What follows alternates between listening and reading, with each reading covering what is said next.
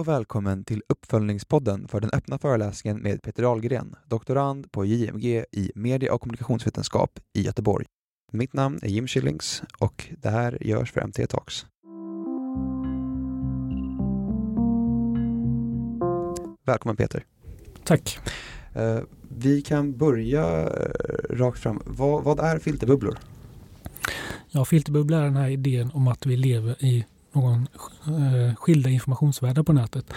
Och de här filterbubblorna skulle då uppstå i och med att vi använder de här sociala medierna och de här sociala medierna lär sig vad vi klickar på till exempel och ger oss mer av det vi vill ha i framtiden. Till exempel vi klickar på en nyhet om bilar och så i framtiden kommer vi se fler nyheter om bilar. Men um, vad, vad blir effekten utav det då? Blir vi, blir vi mer exponerade för bilar då? Eller, för jag, som jag har förstått det så fungerar filterbubblor så att du, du, du blir kategoriserad in i någon slags grupp eller att du, du får ett slags filter till hur du, hur du tar emot information. Um, till exempel säg att jag skulle kolla på bilar, böcker och fotboll. Kommer jag se mindre fotboll och böcker då och mer bilar bara eller hur fungerar det? Ja, där går det väl lite isär de där eh, spörsmålen. Och man kan ju se om man tittar på forskning till exempel att människor tenderar inte bara att klicka på det som de är intresserade av. De klickar på många olika saker. Så de kommer inte bara se bilar då om de klickar på det till exempel. Eh, och över tid då innebär det att man kommer se många olika saker. Man kommer se både fotboll, bilar och kanske lite vin också. Eh, och det innebär att de här filterbubblorna är delvis överdrivna och de leder inte till de slutsatser som de påstått att de ska leda till vad är det? Är det ska vi bli klokare av dem? Ska, vi, ska, det, vara, ska det hjälpa oss på något sätt att, att uh, navigera nätets enorma omfång? Eller vad, hur, hur ska, vad, vad, vad, varför skapades de? Hur kom det till?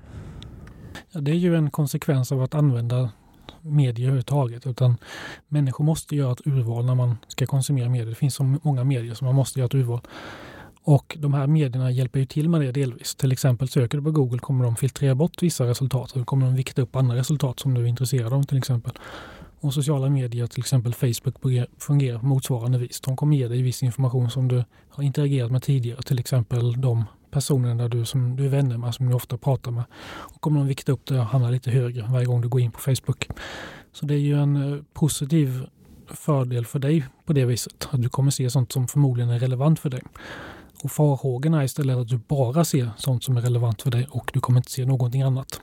Och de farhågorna är ju överdrivna och har inte stöd i forskningen. Då.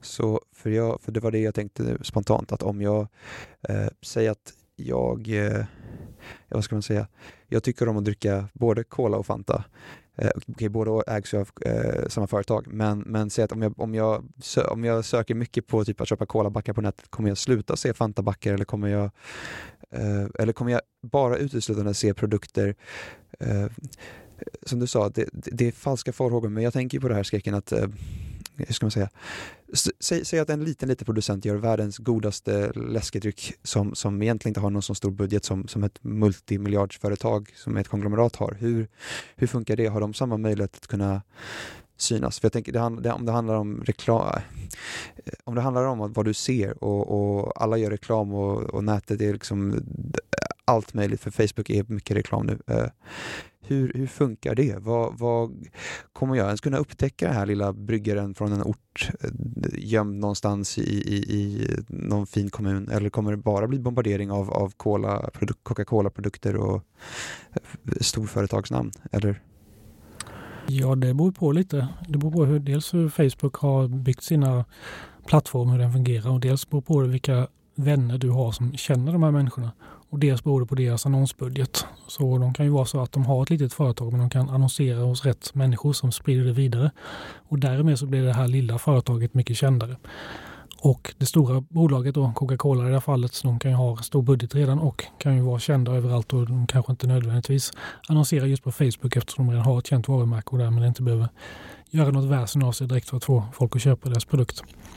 Så det kan mycket väl vara så att det lilla företaget har större chans att få spridning på Facebook än vad det stora företaget har, givet eh, de förutsättningarna. Okej. Okay. Uh, jag tänkte på någonting annat som du talade om också i din föreläsning som handlade om uh, naiv realism. Nu, nu går vi, vi flyttar från, från uh, kommersialism. Och nu tänker jag snarare på informationssökning och journalistik och, och mera, mera eh, informationsanförskaffning. Eh, min, få, när man kollar på vissa nyheter från vissa nyhetskanaler, blir man då inrutad i dem eller hur fungerar det där? Uh, för, för jag tänkte på det här med, med, du gav ett exempel mellan, mellan en kanin och en anka och att man kan se en sak från två olika håll och beroende på hur man ser det och hur det gestaltas så upplevs det annorlunda. Uh, blir vi inrutade att, liksom, att läsa liknande medier i, vår filter, i våra filterbubblor eller, uh, eller är, det, är det bara en, en idé vi har fått för oss? hur funkar det där? Hur menar du med att inruta dig i det här? Ja, jag tänker, jag tänker um, säg att jag har en extremistisk attityd och jag har många vänner som publicerar samma sak. Som du nyss berättade att, eh, med, med eh, kommersiella exemplet att om jag känner någon som känner någon så kommer jag ha lättare att se det. Men om vi, om alla, om majoriteten av en umgängeskrets har samma åsikter och ingen annan kollar på någonting som avskiljer sig, kommer det materialet då kunna då, nå dem? Om det är så att de bara tittar på det materialet så kommer det inte spridas vidare så långt. Eh, utan det krävs ju att det finns någon interaktion med omvärlden. För man kan se det här som ett slutet system, som en sekt då, mer eller mindre. Och i en sekt kommer ju varken information in eller ut. Och eh, det är ju väldigt få sekter vi har i Sverige och de tenderar inte att vara så expansiva heller för den delen. Och eh, Facebook, Twitter och alla sociala medier och internet, de är ju långt ifrån sekter i den meningen. Utan det är snarare så att information sprids väldigt långt och det, kommer, det är väldigt svårt att hålla tillbaka information. Så man ska väl inte se det som en sekt utan man ska väl se det som en helt öppen plattform där det är väldigt svårt att stoppa information snarare. Men, men finns det risk för, eh, vad ska man säga, eh, disruption i information eller förvrängning i information. Säg att du har en person som är väldigt, en väldigt åsiktsstark individ som har många följare och, och, och mycket, mycket påverkan på, på omvärlden. Blir det då um, driver de fram en polarisering ehm, eh, på något sätt så, så, det blir ännu, så att glipan blir ännu större. För nu tänker jag att nu är det inte bara, nu blir, då blir det en ytterligare aspekt, då blir det ju eh, inte bara nyheter utan också individer som, som skapar en stark polarisering så att det blir, det blir ehm, eh, mera, mera eh, man, man väljer sin egna verklighet. Det blir mer selektivt kanske.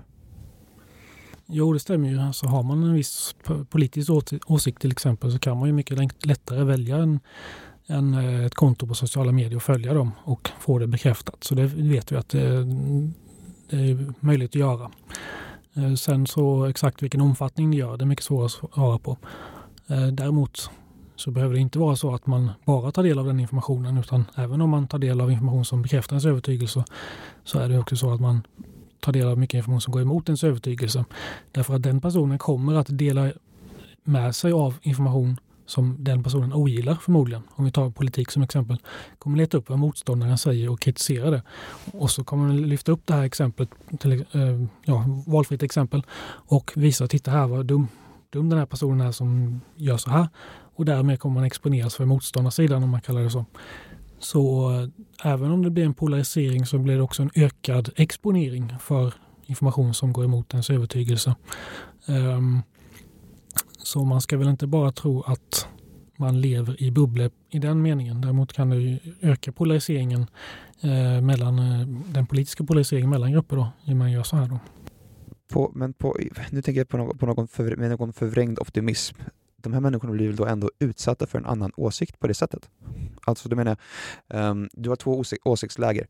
Visst att man förlöjligar uh, motpartens uh, tankar och, och värdegrund, men man får väl ändå ta del av det de publicerar. Så att du kan, du, på, på något sätt får du väl ändå um, motståndarsidans åsikt fast du, du, du kritiserar den och, och förkastar den, tänker jag. Ehm, en annan fråga jag undrar över Eh, som just, just eh, så här, sökmotorsgiganter, då tänker jag, då tänker jag, eller eh, de som är drivna av, av, av våra rutiner som loggas på nätet, Google och Facebook. Jobbar de någonting emot att, att motverka det här? Försöker de se till så att vi får någon bredare uppfattning i vad, vad vi konsumerar eller vill de bara att vi ska liksom vara så, så nöjda som vi kan vara med vår egna, med vår egna, vad ska man säga, vårt smörgåsbord av urval? Hur funkar det? När det gäller till exempel sökmotorn Google då, så vet jag att de har framförallt så försöker de inrikta tjänster så att de ger bra relevanta träffar. Sen har man diskuterat om man ska vikta upp sökresultat som är sanna eller fakta som är sanna. Då. Och har de tagit exempel om man söker efter eh, ja, Egypten till exempel, om man söker efter det så ska de veta att det är ett land. Det ska inte vara liksom en bakelse eller något sånt där. Eh, den typen av faktauppgifter, att de är sanna. Då, så att säga. Sen har de diskuterat på Youtube att man kan öka, hur de kan öka den mångfalden bland de relaterade videorna som finns där till exempel. Och det är de medvetna om att det finns eh, ibland tendenser att det finns väldigt ensidiga träffar eller så här, man ser de här relaterade sökresultaten eller relaterade videorna som är jämte en video. Att de kan vara lite enformiga ibland och att de vill öka eh, mångfalden bland dem. Det har de haft diskussioner och jag har sett på, på Youtube faktiskt. Så det finns ju en debatt inom de här företagen om att öka mångfalden för motsägande information. Så de är ju högt, eh, högst klart medvetna om problemet och tar det på allvar. Men sen vad det mynnar ut i för konkreta förslag, det får vi väl bara invänta och se då ja, vi hoppas ju på det bästa. Att de, att de tar allmän nyttans åsikt. Ja, ska man säga vad som är allmännyttigt. Men eh, jag hoppas ju personligen i alla fall på att det, det blir mer i linje med eh, olika aspekter, olika intryck så att man inte bara hamnar på samma eh, bana och likasinnades för då, då får du inget perspektiv på tankar och idéer. Um, men jag tänker eh, när vi, när vi ser eh, information på nätet som, eh, som är, vare sig vi vill, vill veta av det eller inte. Nu har, vi nu har vi en så stor möjlighet att kunna sålla igenom, för att det finns så många språkrör och så många uttryckskanaler på nätet. Så man kan ju, man kan ju även ifall inte det riktas mot dig, kan du själv söka dig till det som bara, bara eh, intresserar dig, tror du att det kommer ha någon effekt på framtidens journalistik eller nyhetsskildringar? Kommer det bli någon slags, kommer det bli mer polariserat att du bara har nyheter som skildrar, det finns ju visserligen redan, men, men att det blir mer så att du har nyheter som skildrar det från ditt perspektiv och inte från ett eh, allmänmässigt sett, objektivt sätt? Ja, journalistiken har ju alltid varit så att man letar upp exempel på den vanliga människan på gatan och frågar vad den tycker och tänker och gör så att säga. Så den, den eh, tendensen har ju ökat med sociala medier och internet generellt. Man kan leta upp mycket enklare exempel på människor och lyfta fram deras berättelser eller enskilda blogginlägg eller vad som helst. Så det vet vi att det har ökat på det, på det sättet. Sen kan man ju fråga sig vilka är det som lägger ut det här materialet och vilken typ av människor är det? Är det inte de allra fattigaste kanske som sitter med de nyaste smartphones och använder? Och då får man ju eh, tänka på det när man gör en nyhet och liksom söker av sociala medier eller bloggar eller vad som helst och letar efter de här typen av nyheter. Man får inte med sig en speciellt nyanserad bild av verkligheten utan man får ett, ett väldigt eh, skevt urval. Men det får man ju givetvis när man frågar någon på stan också. Då är det de som är i närheten och vilka är det som bor i de stadsdelarna där journalisterna råkar gå ut för tillfället. Det påverkas också. Så hur man än vänder och vrider på det så är det väldigt svårt att göra en eh, så att säga, neutral eller objektiv beskrivning av verkligheten utan man gör alltid något form av urval. Och det urvalet kan vara mer eller mindre bra och vill man ha ett mer, bättre urval så får man göra någon form av vetenskaplig undersökning och då kanske man frågar sig om det verkligen är det journalister ska hålla på med överhuvudtaget. Men om du skulle eh, ge din framtidsprognos, tror du, tror du det kommer bli mer så eller har du, kommer, kommer nyheterna som de, som de skildras idag fortsätta vara eh, som de är? Ser du, ser du någon större förändring eller är det här, är det här bara ett komplement till hur det, saker har berättats förut, att man nu har mera personliga eh, åsikter och intryck? Jag ska ge en extremt precis eh, framtidsförutsägelse. För då är det väldigt lätt att säga att om, om det är fel eller inte. Den 4 november 2024 kommer det vara fler faktanyheter i medierna och det kommer vara mindre åsikter. Eh, och den andelen kommer öka med 23 procent. Så det har ett väldigt precist eh, förutsägelse. Och den är väldigt lätt att visa vara fel också, vilket är bra. Men vad är egentligen fakta? Ja, det finns olika varianter på det. Jag kan ha en hel föreläsning om det också. Det finns till exempel korrespondensteori när man säger att ett påstående ska stämma överens med verkligheten då. Och det handlar om sanning.